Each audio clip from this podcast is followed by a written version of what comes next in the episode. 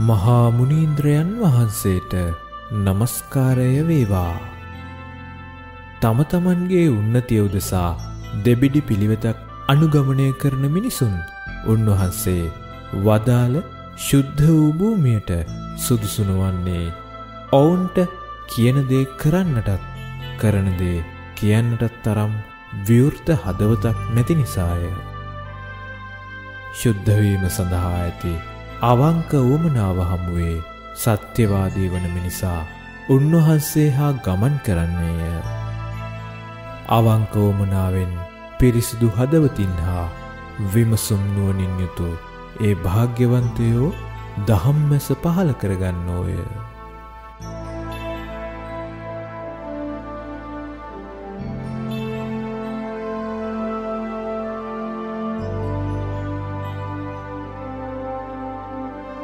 අපි අදත් සූදානම් වන්නේ නිර්වාණ මාර්ගය පිළිබඳව ඒ අවබෝධ කිරීම අවබෝධ කිරීමෙන් අනතුරුව ගමන් කිරීම. ඒ ගමන් කිරීමේදී අපි පැටලැවෙන තැන් හා ඒවයින් ගැලවීම සිදු කරගන්නේ කොහොමද කියන එක පිළිබඳව සාකච්ඡා කරන්න පුළුල්ව. ලෝකයේ මිනිස්සු හැමදාම හොයන එකක් තමයි නිවන. ඒක ලෝකෙ බුදුවරු සිටියත් නොසිටියත් මිනිස්සු නිවනක් හොයනවා. මිනිස්සු ඉපදිච්ච දවස් ඉඳලම මොකද්ද සොයන්නේ? නිවීමක්. සදාකාලික ශාන්තියක්. ගැලවීමක්. විමුක්තියක් මිනිස්සු හැමදාම හොයනවා. හැබැයි මේ විමුක්තිය වෙනුවෙන් ඒ නිර්වාණය වෙනුවෙන් මිනිස්සු විවිධ වත්පිළිවෙත් පුරනවා. දැන් මේ හැමෝම දන්නවා අපි ඉන්දියාවේ ගිහිල්ලා අදත් ඇවිද්දොත් කිලෝමීටර් 4000ක් අපිට පේනවා මේ මේ මිනිස්සු නිවන හොයන්න දඟලන දැඟලිල්ලක්. මිනිස්සු එක එක ඒවා කරනවා. සමහර මිනිස්සු වෘත පුරනවා. සමහර මිනිස්සු කෙස් රැවුල් වවාගෙන දැලි දූවිලි තවරාගෙන සිටිනවා.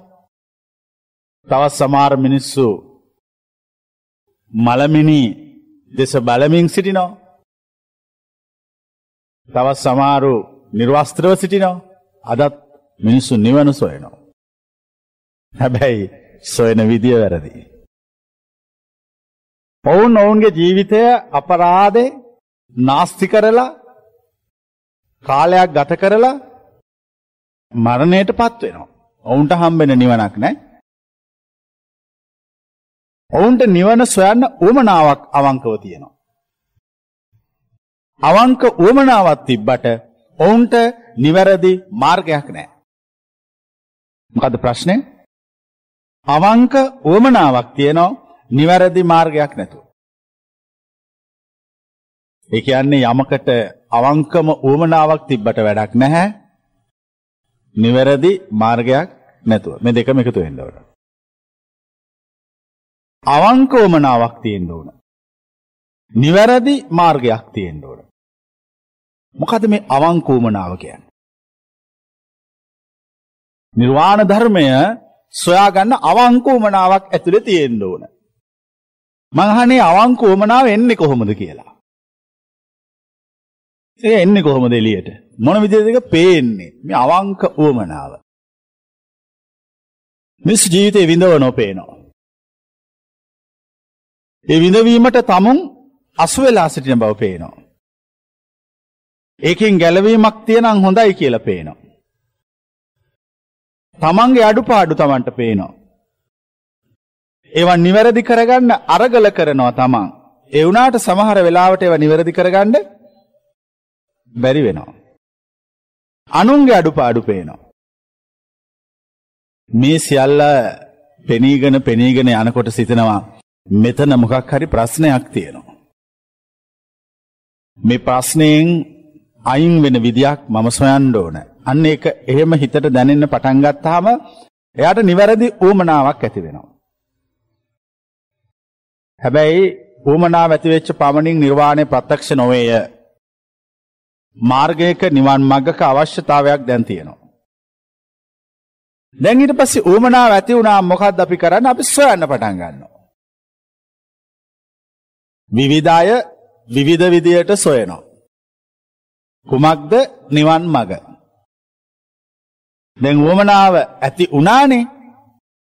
මේ සදාතනික සුවයට මේ සදාතනික සහනයට මේ සදාතනික ගැලවීමට දැන් අපි සොයන්න පටන් ගන්නවා.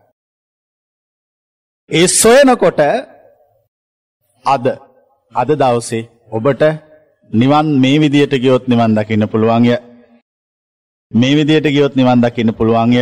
මේ විදියට ගියොත් නිවන් දකින්න පුළුවන්ය කියලා කියන කී දෙනෙක් විතර අදත් හොයාගන්න පුළුවන්ද? දස දහස් ගාණක්. ඒ කියන්නේ එකම ධර්මයක් වෙනුවෙන් දස දහස් ගාණක් ලක්ෂ ගාණක් ගුරුවරු සිටිනවා. ඒ ලක්ෂයම පාරවල් කීයක් කියනවද? ලක්ෂයක් කියනවා. දැන් මං අහන්නේ ඌමනාව දැන් ඇති වුණා දැන් ඌමනාව තියෙනවා අපි මේ හරි ජීවිතය වෙනස් කරගන්න ඕන. මේ ජීවිතේ කිසි තේරුමක් නැහැ. මේකේ අවසානයක් පේන්නේ නැහැ. මේක ඉවරයක් නැහැ. මේ හැමදාම එකම දේ කර කර යනවා. අන්න එතෙන්දි තමයි ශ්‍රාවකයාට ඌමනාව ඇති වෙන්නේ. අවශ්‍යතාවය ඇති වෙන්නේ. අවශ්‍යතාවය ඇති වුණාමයි මාර්ගය සොයන්නේ. මාර්ගය සොයන්න ගියාම ගුරුවරු ලක්ෂයක් ඉන්නවා. ලක්ෂයකටත් වැඩි. ලෝකෙම විදලා බැලුවොත් දැන් ඔබ කොහොමද? හරිම එක්කෙනා හැබැයි හරිම එක කියන කී දෙනෙක් ඉන්නවද?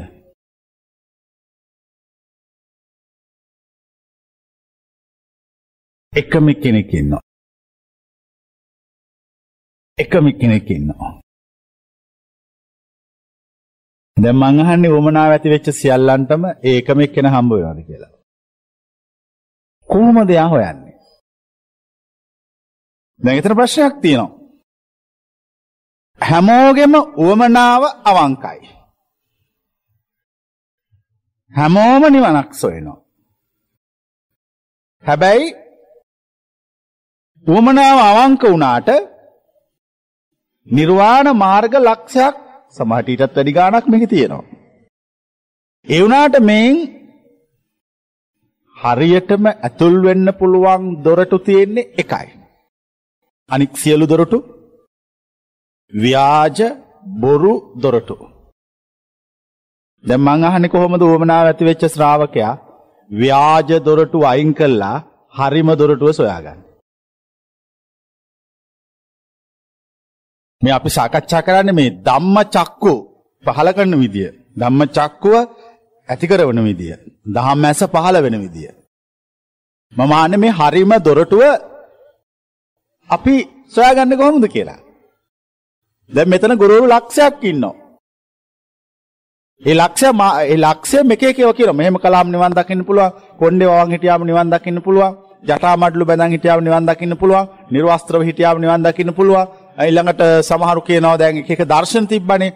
පංච මකාර දර්ශන. ඒ කියන්නේ මේ සමහරු කිව්වා තියෙන ඔක්කොම ඒවා හොඳටම කන්න ඕනේ. එතකොට නිවන් දකින්න පුළුවන්.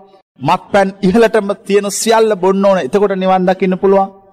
මෛතුනේ උපරිමයට යන්න ඕන එතකොට නිවන් දකින්න පුළුවන්. ඒ මේ මේ සියල්ල අතර දැන් ඔබ අවංක ඔබට උමනාවකුත් ඇතිලා තියෙනවා නිර්වාණ ධර්මය ප්‍රත්‍යක්ෂ කරන්න. උමනාව අවංකයි. නමුත් හරි මාර්ගය සොයන්නේ මොකක්ද උඩ වෙන්නේ? නෑනිති ශ්‍රවණය කරන්න බැරි දැන් ඔක්කොම කියනවනේ. ප්‍රායෝගිකව කරලා බලන්නත් ඉතින් බෑනේ. ප්‍රායෝගිකව කරන එක හරිම කියලා කොහොමද දන්නේ? දැන් ප්‍රායෝගිකව කරන එක හරිම එකයි කියලා කොහොමද දන්නේ? දැන් ඕගොල්ලෝ මම කියන මාර්ගය ප්‍රායෝගිකව කරනවා. එතකොට ඕගොල්ලෝ හිතාගෙන කරනවා මේක හරිම එක කියලා. නමුත් මේක හරිම එකද කියලා කියන්න අයිතිය තියෙන්නේ මාර්ගයේ ප්‍රත්‍යක්ෂ කළ අරහත් භාවය අවසන් වුණාම.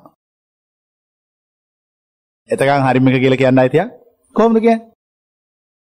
ඒ කියන්නේ මා කෙරෙහි පවතින විශ්වාසය නිසා මිසක් තමුන්ට ලැබිච්ච හරිම එකේ කියන එක පිළිබඳ අදහසකින් නෙමෙයි. යමක් හරිම එකේ කියලා කියනවා නම් ඉන් එහා පැත්තේ තියෙන සියලු වැරදි දේ ඔබ කොට අවසන් කර තිබිය යුතුයි. එහෙම කර කෙනෙක් ඉන්නවා තුස්ස. එහෙම කියන්න බෑ. දැන් අවංකෝමනාවක් නිර්වාණ ධර්මයේ හොයාගන්න ඇති වුණා නම් මම අහන්නේ නිවැරදි මාර්ගයට ප්‍රවිෂ්ඨ වෙන්නේ කොහොමද කියලා. මෙතන ලොකු ප්‍රශ්නයක් තියෙනවා. මාර්ග වැඩි, ගුරුවරු වැඩි, පෙන්වන පාරවල් වැඩි, අපේ උවමනාව අවංකයි. ඒ උවමනාව අවංක නිසා අපි මොකද්ද වෙන්නේ හැමතිස්සෙම? අර හොරුන්ට හැමදාම සංසාරය අහු වුණා. මං කියන්නම් රහසක් හසු නොවි සිටින. විවෘත හදවතක් ඇති කරගන්න. මොකද්ද විවෘත හදවතක් ඇති කරගන්න කියන්නේ? open heart. ඒ කියන්නේ බනින්න හිතනොත් බනින්න. ගහන්න හිතනොත් ගහන්න. දුවන්න හිතනොත් දුවන්න. කියන්න හිතනොත් කියන්න. එකක් ඇතුළට ඇවිල්ලා තව එකක් කරන්න යන්න එපා. ඒකම කරන්න. දැන් ඒ පුද්ගලයා ළඟ ස්වභාව කීයක් තියෙනවද? එකයි. දෙකක් නැහැනේ දැන්. හැබැයි සමාජයේ ඉන්න බොහෝ දෙනෙක් ජීවත් වෙන්නේ මොන විදියටද? දැන් ඔය ස්වභාව දෙකෙන් ජීවත් වෙනා මෙතන නැද්ද? ඉන්නවා. ඒ ස්වභාව දෙකෙන් යන කිසි කෙනෙකුට මා කියන දේ නොවැටහේය. මා කියන දේ නොවැටහේය. මා කියන මේ උතුම් පණිවිඩය වැටහෙන්න නම් එයා හදවත බොහොම විවෘත කරගත්ත කෙනෙක් වෙන්න ඕන. කොච්චර විවෘත කරගෙනද කිව්වොත් එයාගේ සියලු භෞතික සැප සම්පත් අහිමි වුණත් මොකද්ද කියන්න ඕන? සත්‍ය කියන්න ඕන. ඔහු සත්‍යවාදියෙක් විය යුතුයි. ඔහු හදවත විවෘත කරගත් කෙනෙක් විය යුතුයි. ඔහුගේ හදවත පේන්න ඕන එළියට. දැන් මේ ඉන්න අයගෙන් තමුන්ගේ හදවත ගලවලා බලනවට මම හදවත ගලවලා බලනවට කැමති අය අතුස්ස. මම ඔබ ළඟට ඇවිල්ලා හදවත ගලවලා මං හදවත දිහා බලනවා. ඒ බලනකොට මට මේකේ තියෙන ඔක්කොම ටික එතකොට මේකේ මොන හරි කුණු තියෙනවා. මේකේ ඊර්ෂ්‍යාව තියෙනවා. වෛරය තියෙනවා. එකිනෙකාගෙන් පරිගැනීමේ චේතනාව තියෙනවා. කාමය බහුල නම් ව්‍යාපාදයේ බහුල නම් මං ඔය ඔක්කොම ටික දකිනවා. මේ මෙහිතන්න. මෙයා අපේ හදවත ළඟට විත් අපේ හදවත විවෘත කොට අපේ හදවතට ප්‍රවිෂ්ඨ වෙනවා. එහෙනම් මෙයාට එන්න සුදුසු වෙන්න අපි මොකද්ද කරන්න ඕන? හදවත සරසලා තියෙන්න ඕන. දැන් මේ ධර්මාසනයේට මම දේශනාවට වැඩම කරනවා. ඔගොල්ලෝ මම එන්න කලින් බොහෝ දේවල් සිදු කරනවා. මොනවද සිදු කරන්නේ? පාම්පත්තු කරනවා.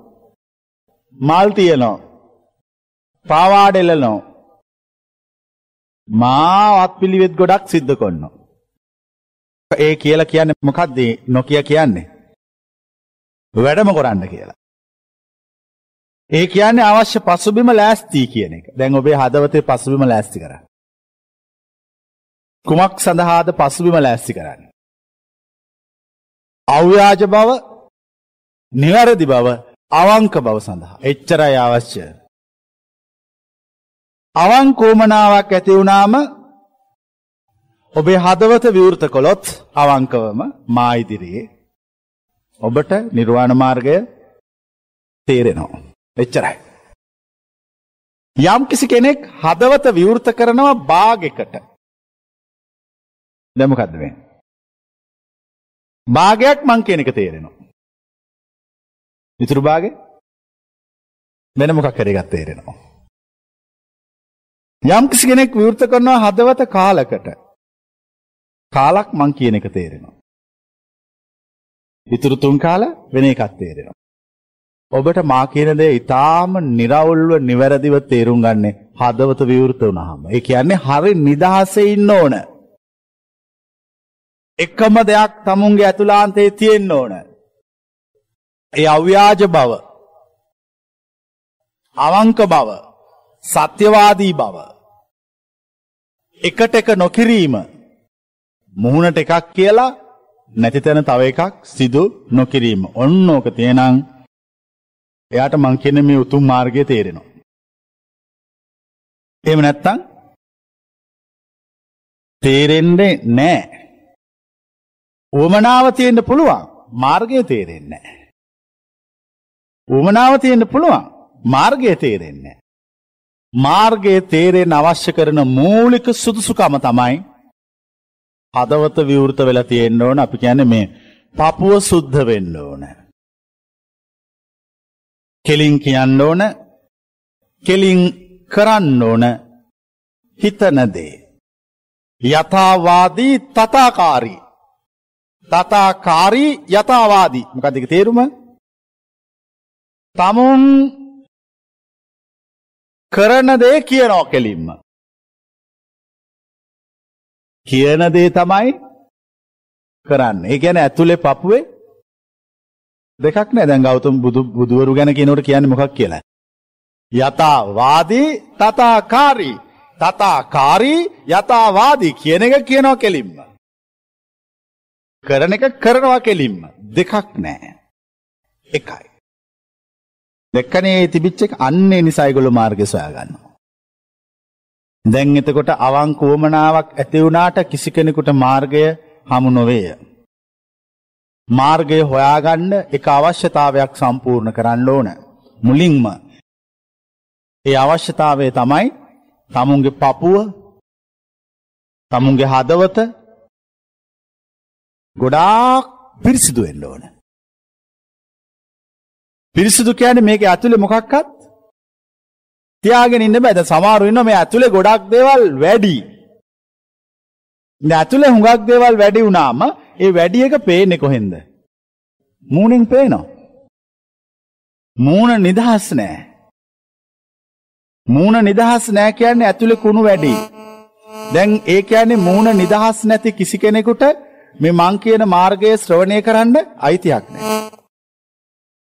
මං කියන මාර්ගයේ ශ්‍රවණය කරන්න සැබෑවටම අයිතිය තියෙන්නේ තමුන්ගේ මුහුණ නිදහස් වෙච්ච අය. ඒ කියන්නේ හිත නිදහස් වෙච්ච අය. දැන් ඔන්න හරි. දැන් අපි අවශ්‍යතා දෙකක් සම්පාදනය කළා. එකක් අවංක ඌමනාවක් ඇති වුණා.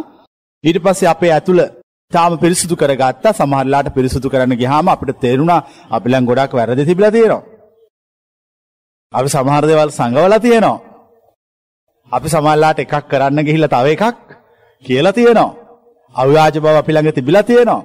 අපිට පව් කරන්න කැමැත්තක් ඇතුලේ තිබිලා තියෙනවා. අපි සමහර දේවල් කළා ඒවා හංගල කාටවත් නොකිය මේක ඇතුළට දාලා වහලා තියලා තිබිලා තියෙනවා. මේ ඔක්කොම මොනවද කරන්න ඕන? දාන්න එළියට. එළියට දාලා ඉවර කළා දාන්න. එතකොට ඔබේ ඇතුළ පිරිසිදුයි. ඔන්න ඕකට එන්න ඕන මුලින්ම. ඇතුළ පිරිසිදුයි. දැන් ඇතුළ පිරිසිදුයිනේ. දැන් නිවන් දැක්කද? නෑනේ. දැන් ඊළඟට වෙන්න ඕනේ මොකද්ද? ඇතුළේ පිරිසිදු කෙනාට මාර්ගය වැටහෙන්න ඕන. බලන්න මේ කොච්චර අමාරුද කියලා අර සූත්‍රයක් තියෙනවා ජිග්ගල සූත්‍රය කියලා මේක තියෙන සංයුක්ත නිකායේ. ගෞතම බුදුන් වහන්සේ උපමාවක් කියනවා. මහණෙනි මේ නිර්වාණ ධර්මය අවබෝධ කරගන්න එක මිනිස්සෙක් වෙලා හරිම අමාරුයි. මිනිස්සෙක් වෙලා ඉඳලා මේ කියන දහම දකින්න එක හරි අමාරුයි. මිනිස්සෙක් වෙන එක ඔක්කොටම වඩා අමාරුයි.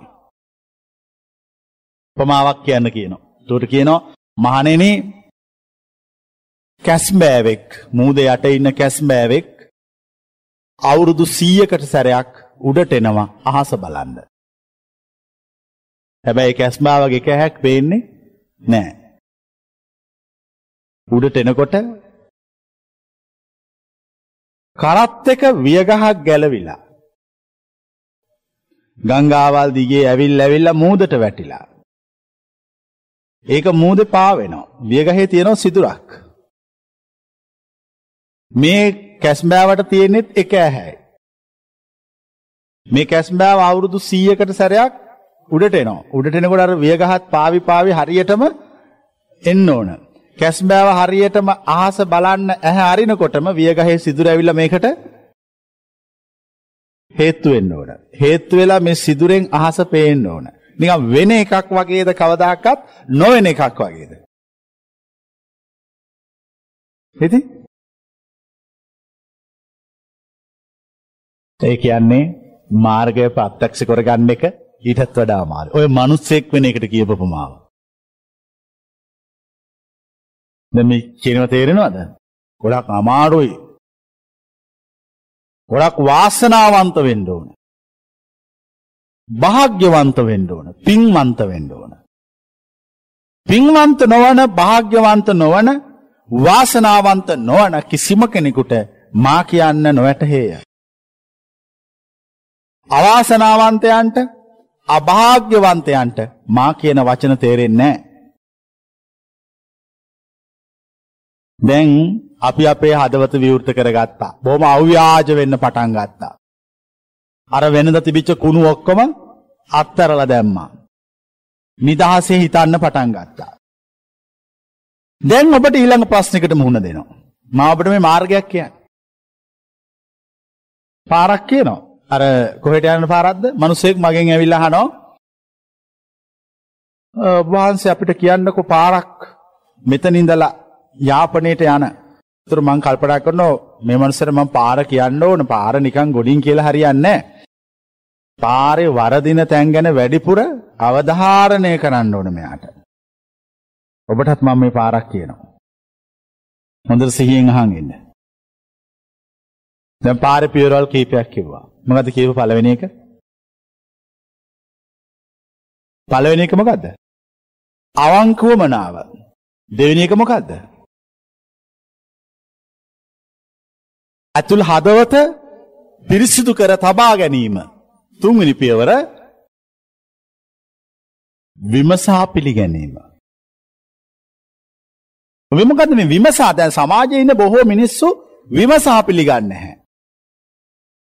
කුමාර කස්සප මහරහතන් වහන්සේත් පායාසි රාජඤ්ඤත් අතර වාදයක් සිද්ධ වුණා. පායාසි රාජඤ්ඤ කියන්නේ ලේසි පහසු මිනිහෙක් නෙවෙයි. බොහොම උගතෙක්. හැබැයි පායාසි රාජඤ්ඤ පුනර්භවය පිළිගත්තේ නැහැ. මැරිලා උපදිනවා කියන එක එයා ප්‍රතික්ෂේප කළා. එයා කුමාර කස්සප මහරහතන් වහන්සේ කියන්නේ වාදෙහි අති දක්ෂයෙක්. දවසක් උන්වහන්සේට හමු වුණා. උන්වහන්සේට ගිහිල්ලා කිව්වා මේ ඔය මිනිස්සු මැරිලා උපදිනවයි කියන කතාව මම නම් පිළිගන්නේ නැහැ කිව්වා. ඒතොර ඇහුවා හරි. කොහොමද එහෙම කියන්නේ? මෙන්න මේමයි කියන්නේ. මම මැරෙන්න ඉන්න මිනිස්සු ළඟට ගියා. ගිහිල්ලා මම කිව්වා ඔයාලා මැරුණායින් පස්සේ කොහේ හරි ගිහිල්ලා ඉපදුනොත් මට ඇවිල්ලා කියන්න මොකද මම පරීක්ෂණයක් කරනවා. ඒ පරීක්ෂණේ මම කරන්නේ මේ මැරිලා ඉපතක් තියෙනවද කියලා හොයන එක. දුරු කුමාර කශ්‍යපට කියනවා පායසි රාජාඥ උන් එකෙක්වත් උන් එකෙක්වත් සුගතියක ඉන්නවද දුගතියක ඉන්නවද කියලා මට තාම ඇවිල්ලා කිව්වේ නැහැ. ඒක පළවෙනි කාරණය. මම දඬුවම් දෙන මිනිස්සු අල්ලලා හට්ටි වලට දාලා කට බැඳලා මැටි ගහලා තැම්බුවා. තම්බලා හොඳටම තැම්බුවා. තම්බල ඉවර වෙලා මම බොහෝම පරිස්සමින් අර මැටි ගැලෙව්වා. මැටි ගලවලා ඒ හට්ටිය සිදුරු කළා. හිලක් ගැහුවා. ඒ රෙදි කෑල්ල හිල් කළා. හිල් කළා බලන් හිටියා. දැන් අර මිනිස්සයා ඇතුලේ මොනව වෙලේ? තැඹුණාම ඉතින් මැරෙන වැරෙන වෙන දෙයක් වෙන්නේ නැහනේ. ඒ මිනිස්සයාගේ ආත්මය එළියට යනවද කියලා මම බලන් හිටියා. නාද කළා නම් මොකද්ද වෙන්නේ? මිනිමරුම. පායසි රාජන් කියනවා මම ඒව කළා. මං කල්ලා බැලුවා. මට කවදාකවත් හට්ටියෙන් එළියට ගිය ආත්මයක් පෙනුන්නේ නැහැ. ඒ නිසා මම කියනවා එහෙම එකක් මිනිස්සුන්ට නෑ කියලා. දැන් මේ දෙන්න අතර වාදේ දුරදිග ගියා. කුමාර කශ්‍යප මහරහතන් වහන්සේ කරුණු පැහැදිලි කිරීමකුත් සිද්ධ කළා. උන්වහන්සේත් වාදෙම උත්තර දුන්නා. මේ මැව්වා. හොඳයි පායාසි රාජඤ්ඤ මිනිහෙක් අසූචි වලකට වැටිලා. ඒ අසූචි වලේ කෑ ගහ ගහ ඉන්නකොට කවුරු හරි කෙනෙක් ඇවිල්ලා අසූචි වලෙන් ගොඩ අරගෙන නාවලා පිරිසුදු කළා සුද්ධ කළා ඉවර වෙලා ඒ මිනිහට කිව්වොත් ආයි මේකට බැහැලා අර පණුවන්ට මේක කියලා වර කියලා ඒ මිනිහා බහිනවද නැද්ද? එතකොට පායාසිරාජන කියනවා ඒනම් කවදාකවත් සිදු නොවේය. මොකද අර ගොඩ ගිය මිනිහට කිසිම දවසක නැවත අවශ්‍යතාවයක් නැහැ. අරකට ගිහිල්ලා මේ පණිවිඩය දීලෙන්න. ඕම ඕම කතාව දුරදිග ගියන් පස්සේ කුමාර කශ්‍යප මහරහතන් වහන්සේ කරුණු ගැන්නුවා භවයක් ඇත පුනර්භවයක් ඇත ඒසේ නොකියන්න කියලා කරුණු කළා. ඒකට ලස්සන කතාවකුත් කිව්වා. කියපු කතාව තමයි මිනිස්සු දෙන්නෙක් හන ගේන්න යනවා ගමනක්. ඒ මිනිස්සු දෙන්නගේ රැකියාව හන ගේන එක. හන හන හන ගෙනල්ලා හන තලලා පැදුරු වියනවා, ගෝනි ලනු හදනවා, ඒව කරන එක තමයි දෙන්න රැකියාව. ඉතින් මේ දෙන්න ගිහිල්ලා හන මිටි දෙකක් කපා ගත්තා. කපාගෙන දෙන්නම දැන් හන මිටි දෙක කරේ තියාගෙන එනවා තමුන්ගේ රැකියාව සඳහා. හැතැම්ම 30 40ක් එනකොට එක්කෙනෙකු දැක්කා හන නූල් තියෙනවා. දෙන්න කතා වෙලා කොහොම මෙහෙම අපි මේ දැන් මේ හන මිටි ගෙනියන්න ඕනේ නෑනේ. මෙතන තියලා තියෙනවනේ නූල්. ඉතින් අපි අන්තිමට හන ගෙනිච්චත් හදන්නේ නූල්නේ. අපි නූල් ගෙනියමු. අර කිව්වා බෑ අප්පා ඒව කරන්න බෑ. හන මිටියම ගෙනියන්න ඕන කිව්වා. අනිත් එක්කන කල්පනා කළා මේ මොඩේ හන මිටිය ගෙනියපු දෙ. මම ගන්නවා හන නූල් කියලා. එයා ගත්ත හන නූල්. දැන් ওই දෙන්න හන නූල් අරගෙන එක්කෙනෙක් හන නූල් අරන් යනවා අනික හන මිටිය ගෙනියනවා. ඕම දුරක් යනකොට දැක්කා හන වලින් වියපු රෙදි තියෙනවා. අර්මංශ කල්පනා කළා දැන් මං හන මිටිය ගෙනියන ගෙනියනවා. මෙයා හන නූල් ගෙනියනවා. එතකොට ඇහුවා අපි මේ හන නූල් ගෙනියන එකේ තේරුමක් නැහනේ. අපි හන නූල් ගෙනිච්චත් අන්තිමට වියන්නේ හන රෙද්දක්නේ. මේ රෙදි ටික අරන් යන් අපි. ඒතරාරයක බෑ බෑ බෑ බෑ බෑ. ඒක හොඳ දෙයක් නෙමෙයි. මේ හන මිටිය තමයි ගෙනියන්න ඕන. අරයා නූල් තියලා රෙදි ගත්තා. තව ටිකක් දුර දුරට ඔහොම ඔහොම යනකොට හන රෙදි වෙනුවට මසුරම් පොදියක් තියලා තියෙනවා. මසුරම් පොදි දෙකක් තියෙනවා. අරයා කිව්ව අර හන මිටියේ කරේ තියෙන මිනිහට මේ අපි කොච්චර හන ගෙනිච්චත් නූල් කල්ලා රෙදි වියලා විකුණලා අන්තිමට ගන්නේ මසුරන්නේ. අපි ඔය හන මිටිය තියලා මේ මසුරන් ගෙනියමු. එතකොට අර මිනිස්සෙක් බෑ බෑ බෑ බෑ ඒක හොඳ නෑ. ඒක ගැලපෙන්නේ ඒක හොඳ දෙයක් නෙවෙයි. මම හන මිටිය මරන් යනවා කිව්වා. අර මෝඩයා හන මිටිය කරේ තියන් ගියා. අර ඥානවන්ත මිනිසයා ධනවතෙක් වුණා. දැන් මේ කියන එක තේරෙනවද? අදත් අපේ සමාජයේ තියෙන දෙකක් තමයි මේ හන මිටි අදහස් තියෙනවයි කියන්නේ. ඔන්න ඔය ඇවිල්ලා තියෙන ওই කතාවෙන් ඇවිල්ලා තියෙන. ඔක තියෙන්නේ පාසි රාජන් සූත්‍රයේ. ඒ කියන්නේ මිනිසුන් නිවන් දකින්න උවමනාව තිබ්බත් හදවත විවෘත කළත් හන මිටි අදහස් තියෙනම් මාර්ගයලි වෙන්නේ නැහැ. ඔවුන් ඔවුන් ළඟ තියෙන හන මිටි අදහස් මොකක් කරලා දාන්න ඕනද? හත්තරලා දාන්න ඕනේ. ඔවුන් තේරුම් ගන්න ඕන මේ ඔක්කොම සාම්ප්‍රදායික අදහස්.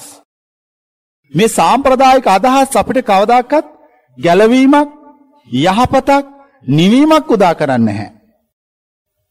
මේ සාම්ප්‍රදායික අදහස් වලට කොටු වුණාම හිර වුණාම ඒ හැම තැනකම අපිට ඇති කරවන්නේ විඩාවක් අසහනයක් බරක්.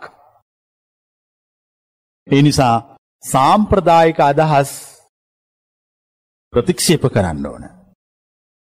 විමසිල්ලෙන් අහන්නත් ඕනේ අතර. දැන් නිවන් මඟ හොයාගන්නකොට දහම්මැස පහල කරනකොට ඒ දහම්මැස පහල වෙන්නේ විමසිලිවන්ත භාවයක. කාලාම සූත්‍රය හොඳට කියවන්න. කාලාම සූත්‍රයේ කාලාම වැසියන්ට ගෞතම බුදුහාමුදුරෝ දේශනා කරන්නේ මොන විදියට සවන් දෙන්න කියලාද. බොහොම විමසිලිමත් වෙන්න. කිව්වට පිළිගන්න එපා. දැන් හුඟක් දෙනෙකුට මාර්ගය වරදින්න ප්‍රධාන කාරණයක් තමයි මුලදී විමසිලිමත් නොවීම. විමසිලිමත් වෙන්නේ නැහැ. කියපු ඒවා ඔක්කොම පිළිගන්නවා. අපි ඒකට කියනවා අමූලිකා සද්ධා. ඒ අමූලිකා සද්ධාවෙන් නොපිළිගත යුතුයි. විමසිලිවන්ත විය යුතුයි. විමසිලිවන්ත වුණා දැන්. දැන් මං අහන්නේ දැන් මං මේ හැමෝටම කියනවා විමසිල්ලෙන් අහන්න මම කියන වචන. මම කියන වචන තේරුම් ගන්න පුළුවන්ද කියලා බලන්න. ඥානවන්තව මා කියන වචන කෙරෙහි කල්පනාවෙන් සිටින්න. ඔහොම ඉඳලා විතරක් නිවන් දකින්න පුළුවන්ද? බෑ. මං ඔහි දෙවෙනි පියවරක් දැන් කියනවා. විමසිල්ලෙන් ඉන්න කිව්වනේ. කල්පනාවෙන් සමන් දෙන්න කිව්වනේ. මම කියනව ඇත්තද කියලා බලන්න කිව්වනේ. දැන් මම කියනව ඇත්තේ කියලා පූර්ව නිගමනයකට එළඹිච්ච යත උස්සන්. එළඹිච්ච යත උස්සන්. මං අහන්නේ කොහොමද ඒ පූර්ව නිගමනය කළේ? දැන් ඔබ තීරණය කරනවා මා දේශනා කරන්න මාර්ගය නිවැරදි කියලා. මං අහන්නේ ඒ නිවැරදි කියන තීරණය මොන විදිහටද ගත්තේ කියලා. ඈ? ඔය දෙන උත්තරෙන් හරියටම මාර්ගයට ඇවිල්ලාද නැද්ද කියලා කියන්න පුළුවන්. ඔය දෙන උත්තරේ. දැන් උත්තර කියන්න. තමුන්ට දැනෙන උත්තරේ කියන්න. කොහොමද මම කියන එක හරි කියලා තමුන් හොයාගත්තේ දැනගත්තේ?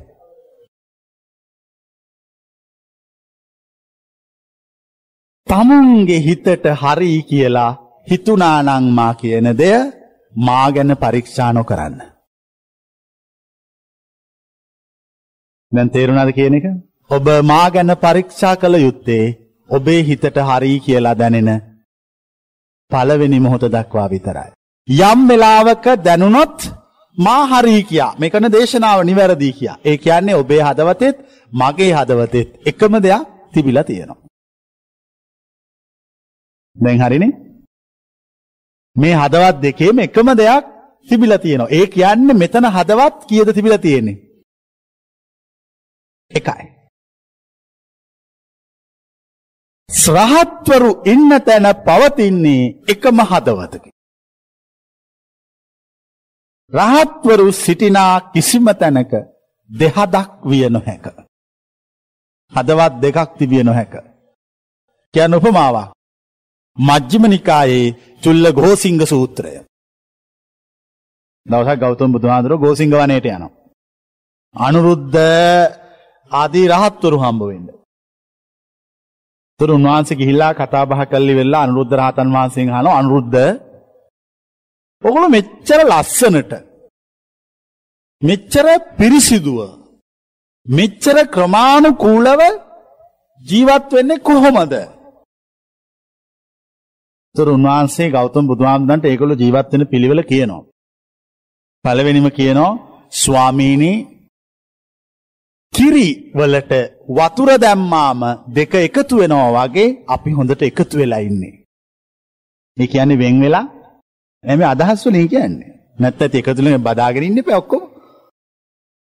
අදහස් වලින් එකතු වෙලා කිරි වලට වතුර දැම්මා වගේ. දැන් තේරෙනවද මේ කියනේවා? ඊළඟට කියනවා ස්වාමීනි අපි ළඟ අපි රහත්වරු කීප දෙනෙක් මෙතන සිටියාට අපි සියල්ලන්ටම තියෙන එකම හදවතක්. ඒ කිව්වේ එකම මාර්ගයක්. එකම දෙයක්. අපි දෙගොල්ලන්ට තුන්ගොල්ලන්ට තුනක් දෙකක් එහෙම නැහැ එකක් තියෙනවා. ස්වාමීනි කිරි වතුරයි වගේ එකතු වෙලා ඉන්න අතරම ස්වාමීනි එකම හදවතකින් වැඩ කොන්නෝ. ස්වාමීනි කිරි වතුරයි වගේ එකම හදවතක් තියෙන තැන පිරිසිදු වෙනවා ඇරෙන්න අපිරිසිදු විය නොහැක. ස්වාමීනි එකනමක් පිණුසිඟා ගියාම අනිත් නම දානශාලාව හසකස් කොන්නෝ. දානෙ ගෙනාවම ඔක්කොම බෙදාගෙන වළඳනවා. අන්තිමට වළඳන කෙනා ඔක්කොම භාජන පිරිසිදු කරනවා. ඒ විතරක් නෙමෙයි අන්තිමට වළඳපු කෙනා නැවත වතුර ගෙනල්ලා තියනවා. ඒ කියන්නේ දානශාලාවට යන ඕන වෙලාවක මොනවද එහෙනම් තිබිලා තියෙන්නේ? වතුර තිබිලා තියෙනවා. දැන් තේරෙනවද ඒ කරන විදිය? කිසිම බෙදීමක් නැහැ. කිසිම පංගු peerුවක් නැහැ. ස්වාමීනි කිසිම බෙදීමක් නැහැ මෙතන. මෙතන කිසිම පංගු peerුවකුත් නැහැ. අපි ඒ ඒ කෙනා ඒ ඒ දේ දැකලා අපි ඒක කරනවා. අහවල් කෙනා කළ යුතුය මා කළ යුතුය මාම කළ යුතුය ඔහුම කළ යුතුය කියා එවන්නකුත් නැහැ. ස්වාමීනි ඒකයි අපි කිව්වේ කීරෝධකී භූතා. කිරිවලට වතුර දාලා වගේ කියලා. ඒකයි කිව්වේ එකම හදවතක් තියෙනවා කියලා. දැන් තේරෙනවද මේ කියන කතාව? ඒ කියන්නේ ඒගොල්ලෝ උන්වහන්සේ කියපු වචන විමර්ශනය කළා. යම් වෙලාවකදී ඒ වචනත් තමුන්ගේ හදවතේ ඇති වචනවලත් ඇති සමරූපී බව සමාන බව තේරිලා. ඊට පස්සේ මොකද්ද ඔබ කළ යුත්තේ? ඉන් අනතුරුව කිසිම වෙලාවක ගුරුවරයා පරීක්ෂා නොකළ යුතුයි. මේ දක්වා මාර්ගයේ තේරිච්ච ඇතුස්සන්. දහම් ඇස පහල කිරීම. ධම්ම චක්කුන් උදපාදි. දහම් ඇස පහල කිරීමේදී ගුරුවරයා ගැන සැක කිරීම පිළිබඳව ඔබට කරුණු කිව්වා. සැක කළ යුතුද නැද්ද? කළ යුතුයි මුලදී. නැත්තම් කොහොමද අපි දැන් අර අර ගොඩක් අය අතර හරි එක්කන අපි අල්ලගන්නේ? හැබැයි හරි එක්කන අල්ලගත්තයින් පස්සේ ඒ කියන්නේ අපේ හදවතේට දැනෙන දේ යා කියන දේ අතර එක එක තැනක් අල්ලගන්නේ. ඒතන නිවාන මාර්ගය වෙන එකක් නේද අපි හිතමු කවුරු හරි එනවා අච්චාරු ගන්න කැමති. එතකොට එයා අච්චාරු ගන්න කැමති ගුරුවරයෙක් හොයන් යනවා. මහා මෝඩ ගහක්. මේ කිව්වේ එහෙම එකක් ගැන නෙවෙයි. මේ කිව්වේ tamunගේ හදවතට දැනෙන නිර්වාණ මාර්ගයේ සලකුණක් ගැන. ආ මටත් මෙහෙම එකක් ඇතුළට දැනෙනවා. මට දැනෙන එකක් මෙයා කියනවා. එහෙනම් මම මෙයාව දැන් පරීක්ෂා නොකළ යුතුයි. දැනෙන එක පරීක්ෂා කරන්න ගියොත් ඔබට වෙන අගතිය මොකද්ද? ලොකු අගතියකට මුහුණ දෙන්න සිද්ධ වෙනවා. නිවන් දකින්නේ නිවන් දකින්නේ අර දැනෙන එක පරීක්ෂා කර කර දැනෙන එක දැනෙන එක තමුන්ගේ පපුවට දැනෙන එක මොලේ ගබඩා කොන්නෝ. දැන් මේ තේරුණා කොන්න වැඩි? පපුවට දැනෙන එක පපුවෙන් අරගෙන මොලේ තියාගන්න. ඒ කියන්නේ යා මොනව කරනවද? ඉගෙන ගන්නවා. එයා සම්පූර්ණයෙන්ම මාර්ගය අවුල් කරගත්තා. එයාට ආයි කවදාකවත් මාර්ගය විවෘත වෙන්නේ නැහැ. අර ක්‍රියාවලිය නවත්තනකම්. දැනෙන එක දැනෙන්න දෙන්න දැනුමක් ලෙස නොගන්න. බෝධනෙක් නිවන් දකින්න බැරි වෙච්ච ප්‍රශ්නේ තමයි දැනෙන එක දැනෙන්න දෙන්නේ නැතුව ඒක දැනුමක් ලෙස ගන්න යනවා. සංසන්දනය කරන්න යනවා. ආවල් තැන මෙහෙම තියෙනවා, ආවල් එකේ මෙහෙම තියෙනවා, ආවල් පොතේ මෙහෙම තියෙනවා, මුන්වාසේ මෙහෙම කියනවා. මම සංසන්දනය කර කර බලන්න යනවා. ඔබ සංසන්දනය කළ යුත්තේ මා මා කියන දේ ගැන සැකයක් ඇත්නම් පමණි. ඔබට මා කියන වචන සැබෑවටම විශ්වාස නම් මා සංසන්දනය කිරීම නොකළ යුතුය. එමෙන්ම මා පරීක්ෂා කිරීමද නොකළ යුතුය. යම් කෙනෙක් මා පරීක්ෂා කරන්න ගියෝතින් ඒ පරීක්ෂා කරන්න යන මෝඩයා අපාගත වී අවසන් වෙනවා. ඔබ මා පරීක්ෂා කළ යුතු වන්නේ ඔබට මා කියන වචන හරී කියා දැනෙන පළවෙනි මොහොත දක්වා පමණි. ඉන් අනතුරුව කිසිම වග විභාගයක් නොකොට මා කියන වචන පිළිගන්න. ඒක හරියට මේ වගේ.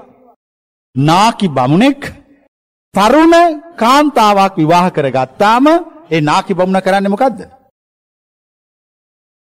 විවාහ වෙච්ච දවසේ ඉඳන් රෑ නිදි මරාගෙන සියලු වැඩපල කරලා දීලා දවල් කාලේ සියලු වැඩපර කොල්ල දෙනවා දර පරලා දෙනවා උයලා දෙනවා කවනවා නාවනවා රෙදි හොදලා දෙනවා ඔක්කොම කොන්නෝ ඊට පස්සේ රෑ එළි වෙනකන් අර තරුණ ළඳ මේ නාකි බමුණ මොනව කොන්නවද ආරක්ෂා කරගෙන ඉන්නවා අන්නේ වගේ ඉන්න තරුණ ළඳ මමයි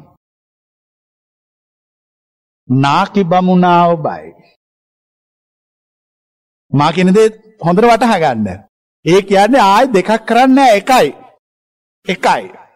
හැබැයි එහෙම කරන්නේ කලක් තිස්සේ බලලා අපේ හදවතට එකඟ වෙන්න ඕන. හදවත පිළිගන්න ඕන. හදවත හරි අමුතුයි. හදවත මොකක් හරි එකක් පිළිගත්තොත් කවදාකවත් ඒක වෙනස් කරන්නේ නැහැ. එයා හරි. මෙයා හරි. මොළය හිටි ගමන් පිළිගත්තු ඒවා වෙනස් කරනවා.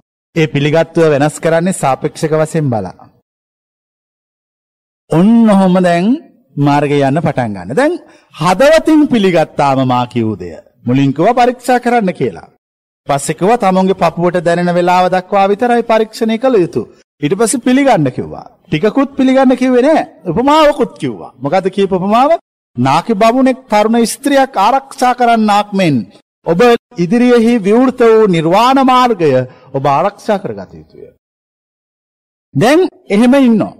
ඉන්නකොට අර කියන වචන කොහොමද පිළිගන්නේ හෝ නොපිළිගන්නේ?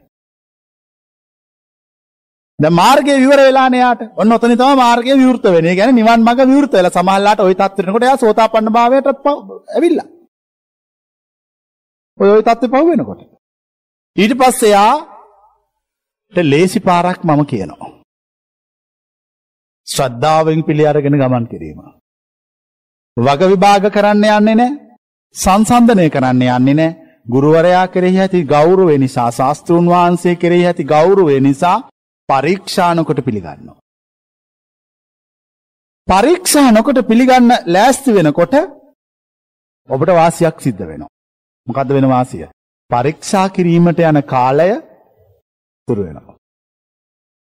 පරීක්ෂා කිරීමට කාලය ගත්තොත් සමහර වෙලාවට අවුරුදු 7-8000ක් පරීක්ෂා කරන්න යන්න පුළුවන්. ඊට වඩා ලේසි ඒ කාලේ එකක්වත් නොගෙන කෙලින්ම නිර්වාණය දක්වා ගමන් කරනවා.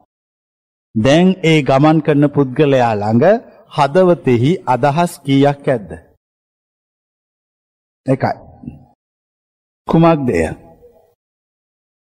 තමුන්ට උගන්වන ශාස්ත්‍රූවරයා කෙරෙහි ඇති විශ්වාසය. එකයි නැතියෙන්නේ. මොන විශ්වාසයද? අචල විශ්වාසය. ගන්න අචල විශ්වාසය කියන කඩුව අතට. යන්න සංග්‍රහම භූමියට. ඒ අචල විශ්වාසය කියන කඩුවෙන් ගැහුවහම කපන්ඩ බැරි මාරයෙක් විනාස කරන්න බැරි සතුරෙක් සංග්‍රාම භූමියේ නැත. අචල විශ්වාසය කියන කඩුව අතේ තියෙනම් ඕනම සතුරෙකුට මේ කඩුවෙන් ගැහුවොත් ඒ සතුර විනාස වෙනවා කඩුව කැඩෙන්නේ අචල විශ්වාසය කියන කඩුව ඔබ ළඟ ඇත්නම් ගහන්න කඩුවෙන් මාරයට. මාරයා කැපිලා වැටෙනවා ඔබට මුකුත් වෙන්නේ නැහැ. වනාන්තරයක මිනිස්සෙක් තනියෙන් යනකොට කවුරු හරි කෙනෙක් ඇවිල්ලා කියනවා මේක මහා භයානක වනාන්තරයක්. රුක් දෙවියෙක් මතුවෙන එක සැරේ. ඔය මේ භයානක වනාන්තරේ යන්න එපා. මං ඔහුගේ ආරක්ෂාවට කඩුවක් දෙනවා අතට භයානක ප්‍රාතිහාර්ය දක්වන්න පුළුවන් බලවත් කඩුවක් කියලා අතර දීලා යනවා. රුක් දෙවියා මමයි වනාන්තරයට පිවිසි පුද්ගලයා ඔබයි කටුකොහොල් ඇත එමට එයින් බේරීමට කඩුවක් දෙමි ඔබේ අතට. කඩුව නම් නිර්වාණ මාර්ගය කෙරෙහි ඇති අචල විශ්වාසයයි. එච්චරයි. ඔච්චරයි. දැන් ඔය අචල විශ්වාසයෙන් ගමන් කරනකොට හරි ලේසි නිවන් මඟ යන්න. හැබැයි ප්‍රශ්නයක් තියෙනවා. ඔය අචල විශ්වාසය දක්වා එන ගමන හුඟක් දුරයි. ඒක එහෙම එක සැරේට ගන්න බෑ කොච්චර කිව්වත්. මොකද අචල විශ්වාසය කිව්වහම ඒක ඕන කෙනෙකුට ඇති කරගන්න පුළුවන්. මම කියන අචල විශ්වාසය ඔබ ඇති කරගත යුත්තේ ඔබේ හදවත කියනවා නම් පමණයි. නැත්නම් ඇති කරගන්න එපා. මුලදි පරීක්ෂා කරලා බලන්න. විමසලා බලන්න.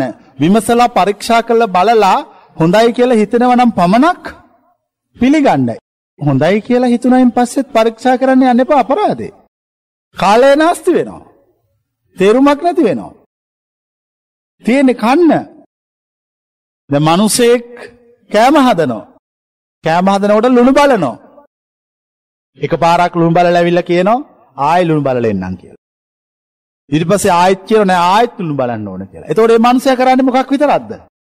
කෑම කන්නේ කවදාකවත් ලුණු බල බල ඉන්නවා. මොකද එයාට විශ්වාස නැහැ අතරමඟ ලුණු නැති වේවි කියලා බයක් තියෙනවා. පොද්දර දාපු ලුණු කවුරු හරි අරන් යාවි කියලා බයක් තියෙනවා. ඒ නිසා මෙයා හැමතිස්සෙම ලුණු බල බල ඉන්නවා. ඒ කියන්නේ පරීක්ෂා කර කර ඉන්නවා. මෙයාගේ බඩ පිරෙනවද සදාකාලික කුසගින්නෙන් වේදනාවකින් ඉන්නවද? මෙයා සදාකාලික කුසගින්නකින් වේදනාවකින් සිටිනවා. ඇයි ඒ සදාකාලික කුසගින්නකින් වේදනාවකින් සිටින්නේ? ආහාර නොගෙන පරීක්ෂා කරනවා. මුල පරීක්ෂා කළයින් පස්සේ ලුණු ඇති කියලා තේරුණා නම් ආයි ලුණු දාන්න ඕනද? ආයි ලුණු බලන්න ඕනද? නෑනේ එකපාරයි. එකපාරයි. මෝඩ මිනිස්සු එකපාරක් ලුණු ඇති බව දැනගෙනත් නැවත නැවත ලුණු නැති වෙලා ඇති කිය කියා සැරින් සැරේ බලනවා. ඒක නූගත්කම අඥානවන්ත භාවය. දැන් ඔබ කළ යුත්තේ ලුණු බැලීමක් නොව පොදි කෑමයි. හෝ ආහාර ගැනීමයි. ආහාර ගත්තාම ඔබේ සදාකාලික සාපිපාසාව සංසිඳී යනවා. සදාකාලෙටම සංසිඳෙනවා. සදාකාලෙට සංසිඳෙන්න නම් ලුණු බැලීම නවත්වා ආහාර ගත යුතු. දැන් එතකොට මෙච්චර කල් කරලා තියෙන ලුණු බැලීමක්ද ආහාර ගැනීමක්ද? ඉතින් මොකද ලුණු බල බල හිටියේ අපරාධනේ. ඒ කියන්නේ එක එක ව්‍යංජන හදලා දුන්නා මේකේ ලුණු බලනවා. තව එකක් හදලා දුන්නා මේකේ ලුණු බලනවා. බලලා කියනවා හරිම රසයි අරකට වඩා මේක රහයි. මේකට වඩා මේක රහයි. මේකට වඩා මේක රහයි. ඒ මෝඩයා කිසි දවසක සාපිපාසාව නැති කරගන්නේ නැහැ. ඒ මෝඩයා සාපිපාසාව නැති කර නොගෙන මරණයටපත් වෙනවා. ලුණු බලන්න ඕන එකපාරයි. ඊට පස්සේ ලුණු බැලීම අත්තරින්න. ආහාර ගන්න. සාගින්දර නැති කරගන්න. එහෙම නැත්නම් නිර්වාණ ධර්මය ප්‍රත්‍යක්ෂ කරගන්න. එතකොට මාර්ගය එළි වෙනවා. කෙනෙකුට නිවන් මඟ කියන මාර්ගයේ යන්න පුළුවන් එක එක පාරවල් තියෙනවා. මං ඔය ඔබට පැහැදිලි කරේ ලේසිම කෙටිම පාරක්. අපි කියනවා ෂෝට් කට් එකක්. දැන් අපි සමහරලාට පාරවල් වල ගමන් බිමන් යනකොට අපි කල්පනා කරනවා මේ මේ පාරෙන් යන්න ඕනේ නැහැ.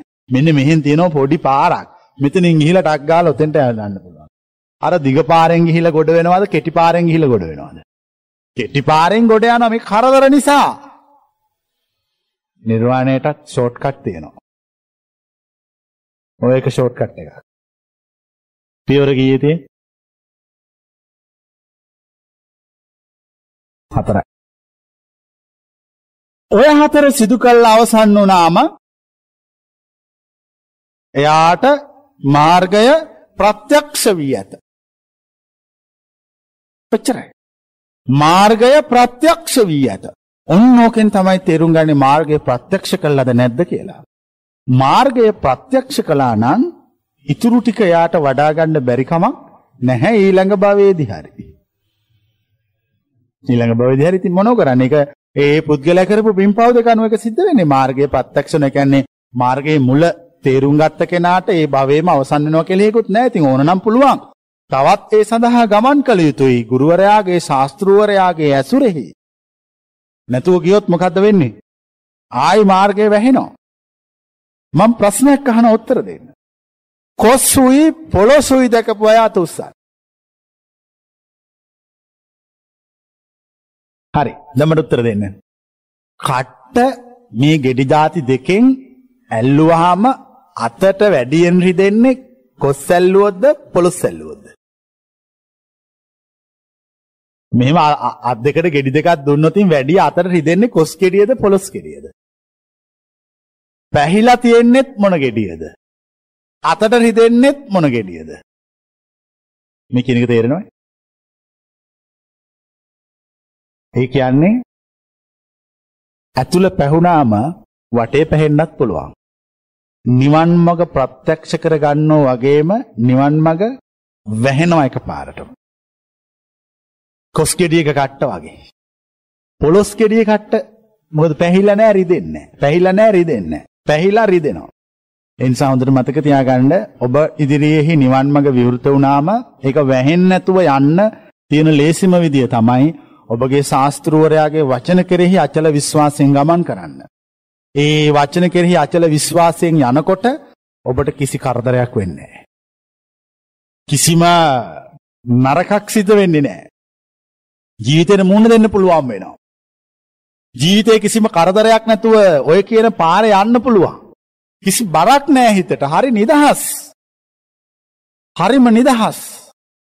හැබැයි ඒ නිදහස දක්වා එන්න මම පියවරවල් ගණනාවක් කිව්වා. පළවෙනි පියවර තමයි අවංක උමනාවක් තියෙන්න ඕන කිව්වා. දෙවෙනි පියවර හදවත පිරිසිදු වෙන්න ඕන කියලා කිව්වා. නැත්නම් එතෙන්ට ඇතුල් වෙන්න බෑ. තුන්වෙනි පියවර පරීක්ෂා කරන්න කියලා කිව්වා. හතරවෙනි පියවර අචල විශ්වාසයෙන් පරීක්ෂා කළ අවසන් වෙච්ච යම් තැනක පිළිගන්න කියලා කිව්වා. ඊට පස්සේ අචල විශ්වාසයෙන් ඉන්න කියලා කිව්වා.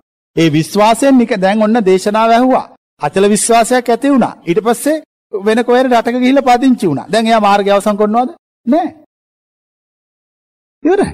එතන ඉවරයි. දැන් එයා කල යුත්තේ අචල විශ්වාසයෙන් වැඩගත්තේ නෑ ඇති වුණාට. ඇති කරගත්ත විතරයි. ඒක හරියට ගෙයක් හැදුවා. මාන්ස් වෙලා අඩිතාලන් දාලා ගෙයක් හදලා ජනෙල් තියලා වීදුරු දාලා ඔක්කොම කොල්ලා තින්ත ගාලා පොලිස් කළා ඔක්කොම කළා. කල්ලිවල දොරවල් වහලකෝ නෑ පස්සේ ඇවිල්ලා ඉන්නවා කියලා වහලා ගියා. දැන් මොකද්ද වෙන්නේ? ඒ මෝඩෙක්. ඒ කියන්නේ යාට වාසනාවක් නැහැ, වාග්යක් නැහැ නිවස පරිහරණය කරන්න. ඔබ කල යුත්තේ අචල විශ්වාසය කියන නිවස හැදුවයින් පස්සේ මොහොක ඇතුලේ ඉන්නේ. ඒ අචල විශ්වාසය කියන දේ ඇතුළේ ජීවත් වෙන්න පටන් ගන්නවා. ඒ අචල විශ්වාසය තුල පසු වෙනවා. එතකොට හරි ලේසි මාර්ගය වඩා ගන්න. හැබැයි අචල විශ්වාසය එකවර ඇති කරගන්න එපා. දැන් අපි නරියෙක් දැකලා අපි අචල විශ්වාසයක් ඇති කරගන්නවා සිංහෙක් කියලා ඌ. ඒ මේක ඇති කරන්න බැරිද? පුළුවන්. එහෙම වෙන්නේ ඇයි? පරීක්ෂා නොකර සංසන්දනය නොකර පිළිගැනීම නිසා. ඒකයි මා ඔබට කිව්වේ අචල විශ්වාසය ඇති වෙන්න කලින් මුලින් මොකක් කරන්න කියලාද? පරීක්ෂාවෙන් බලන්න කියලා. නැත්තම් නරිය දැක්කහම කියනවා මෙයා මේ ඉන්නේ හොඳ හොඳම හොඳම සිංහයෙක්. කේසර සිංහයෙක්. මොකාට කේසර සිංහයා කිව්වේ? නරියෙකුට කියන්නේ කේසර සිංහයා කියලා. ඇයි? අචල විශ්වාසයෙන් විශ්වාස කරනවා. මම කියන්නේ එවැනි ගොන් කතාවක් නෙමෙයි. ඊට වඩා ඥානවන්ත වූවක්. මොකක්ද එහි ඇති ඥානය පරීක්ෂා කොට බලා සිංහයා කවුද නරිය කවුද කියලා විමර්ශනාත්මකව බලා පිළිගැනීම සිංහයා යයි අඳුනගත් තැන සිංහයා කියන දේ අසාගෙන ගමන් කිරීම. එහෙම යන්න පුළුවන් නම් ලේසියෙන් ඔය කියන නිර්වාණ ධර්මය තීරණය කොල්ලත් තේරුම් අරගෙන වටහාගෙන අවබෝධ කරගන්න පුළුවන් ඔන්න ඕක තමයි මාර්ගය. ඕක තමයි නිවන් මඟ. හැබැයි ওই මගට එන්න ඥානවන්තයන් ආශ්‍රය කරන්න ඕන. ඥානවන්තයොත් එක්ක ජීවත් වෙන්න ඕන. ඥානවන්තයෝන්ගේ කතා ශ්‍රවණය කරන්න ඕන. ඒ කතා තමුන්ගේ ඇතුළාන්තයට ඇතුල් වෙන්න ඕන. ඉන් අනතුරු ඒ කියන මාර්ගයේ ටික ටික තමුන්ට වැඩෙන බව දැනෙන්න ඕන. ඒ දැනුණාම ඒ ඔස්සේ ගමන් කරන්න ඕන. අන්න එතකොටයි ඔබ මා කිව් තැනට එන්නේ. එහෙම නැත්නම් කවදාකවත් එන්නේ නැහැ. එනෝ වගේ ඉන්නෝ. එනෝ වගේ ඉන්නෝ. එහෙම ඇවිල්ලා යම් දුරක් ගමන් කරනකොට ඔබේ මාර්ගය අවසන් වෙනවා. දැන් මං පියවරවල් හතරක් කිව්වා. මේ පියවරවල් හතරේ වැදගත්ම පියවර කුමක්ද? අචල විශ්වාසයයි. වැඩිම දුරක් ඔබට යන්න වෙන්නේ මොන පියවරත් එක්කද? අචල විශ්වාසය එක්ක. ආත්ම කීයක්ද? සමහර වෙලාවට අපි දන්නේ නමුත් යන්න සිද්ධ වෙනවා. ඉතින් ප්‍රශ්නයකුත් නෑ අපිට. අපි ප්‍රශ්නයක් නැතුව යනවා. ගිහිල්ලා ප්‍රත්‍යක්ෂ වෙන තැනදී ප්‍රත්‍යක්ෂ වෙන්න දෙනවා. ප්‍රත්‍යක්ෂ වෙන්න ඕනේ කියලා හේකුත් දාගන්නේ නැහැ. ඒ පාර එකත් කරදරයක්. නිදහසේ ඉන්නවා. හැබැයි උන්වහන්සේ කිරේ අචල විශ්වාසයක් ඇත කියන එක තියෙනවා. මං අහනවා කෙනෙකුගේ යම් කිසි කෙනෙකුට තමුන්ගේ ගුරුවරයා කියන මාර්ගය හරියටම හරි කියලා පැහැදිලි වුණා නම් අචල විශ්වාසයක් ඇති වුණා කියලා එයාට තේරුණා නම් ඒක කැඩෙන්න පුළුවන්ද කියලා. බෑ. කැඩෙන්න බෑ. ඒක කැඩෙන්න බෑ තියෙනවා. ඒක තියෙනවා. ඒක තියාගෙන කුඹුරු කොටනවා. හැබැයි අචල විශ්වාසය තියෙනවා. පැහැදිලිද කියන එක? ඔහුට මාර්ගය යන්නේ නැති එකම සුදුසුකම එයයි. ඔබත් ඔබේ ජීවිතයේ සුදුසුකම ඇති කරගන්න ඕන. ඒ සුදුසුකම ඇති කරගත්තාම ඔබ ඉදිරියේ නිවන් මඟ විවෘත වෙනවා. ඔච්චරයි.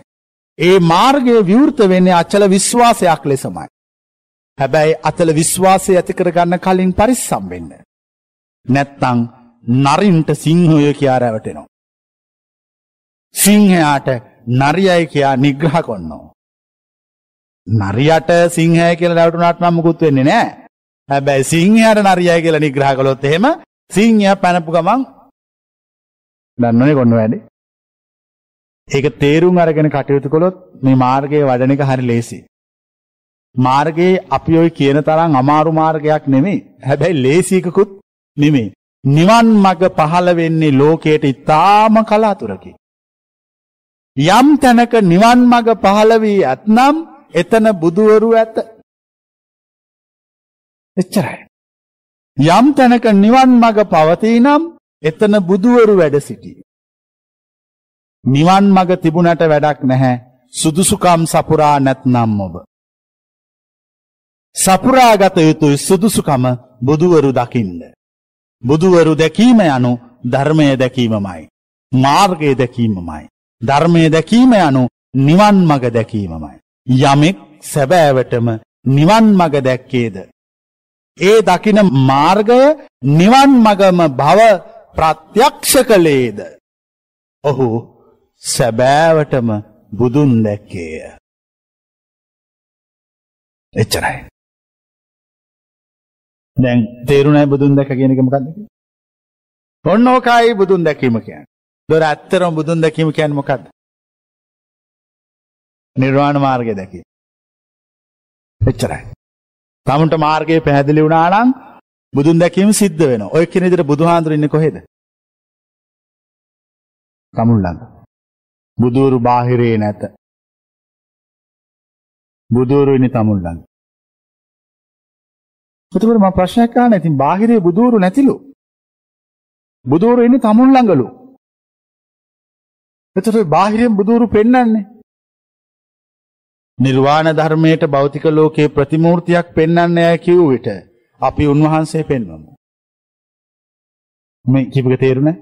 නිර්වාණ ධර්මයට භෞතික හැඩරුවක් පෙන්වන්නේ කවුරු හරි කිව්වොත් අපි රහතුන් බුදුවරු පෙන්වනවා.